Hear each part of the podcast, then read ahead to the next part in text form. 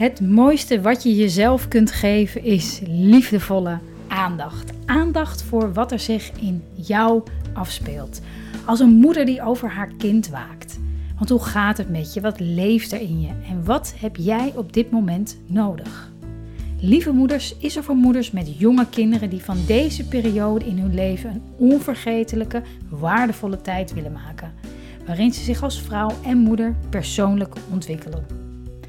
En in deze podcast gaat het over dat wat je doet eigenlijk weinig uitmaakt in het moederschap.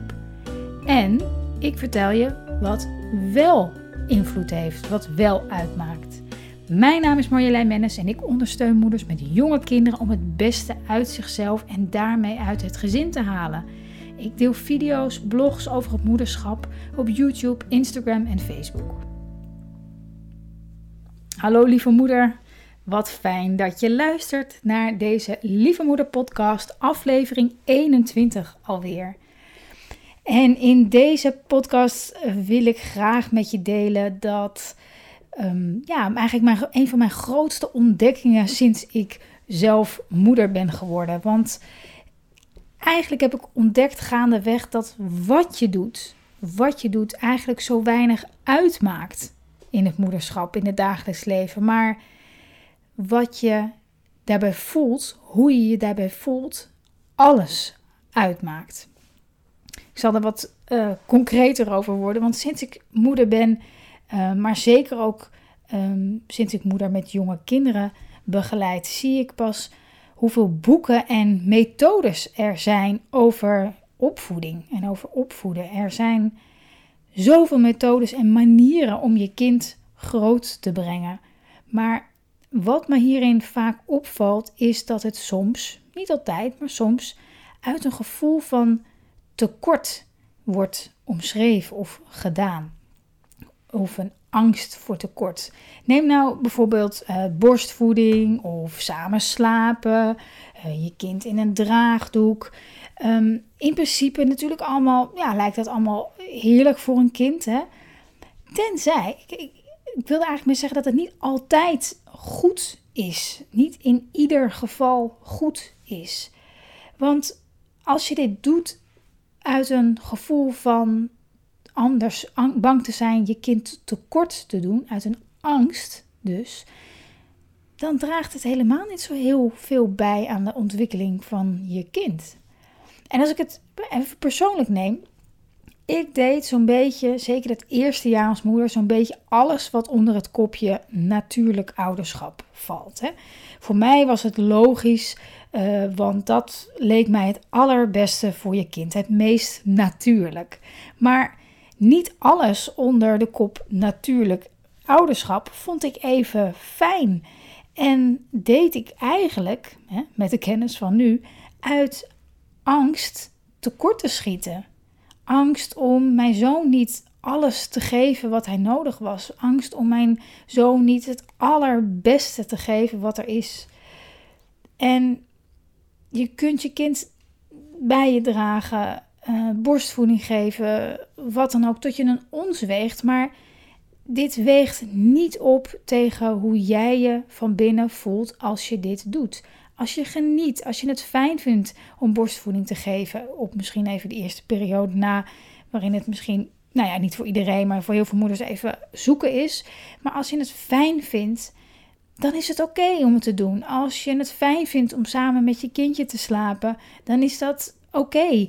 Maar als je, er eigenlijk, als je het doet omdat je denkt, nou ja, het moet, want het is nou eenmaal de beste voeding, borstvoeding, maar het doet zeer en ik vind het helemaal niet fijn. En je voelt je elke keer als je borstvoeding geeft, als dat, je, dat je niet doet wat jij fijn vindt, dan voelt je kind dat. Dat kindje voelt dat. En daarom is het daarom niet per definitie de beste voeding. De beste voeding is je kind um, liefhebben en uh, zien en um, zoals hij of zij is en daarbij jezelf vooral niet tekort te doen, zelf je daarbij goed te voelen.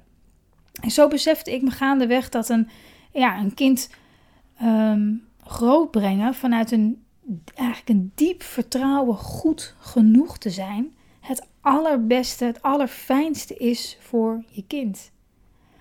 Want alles wat je doet uit angst om je kind tekort te doen, dat schiet zijn doel per definitie voorbij. Dus dat diepe vertrouwen goed genoeg te zijn om daarin te groeien, hè, dat heb je. Uh, het is niet zo dat heb je of dat heb je niet. Daarin kan je groeien. Daar ben, ik ook enorm in gegroeid de afgelopen jaren.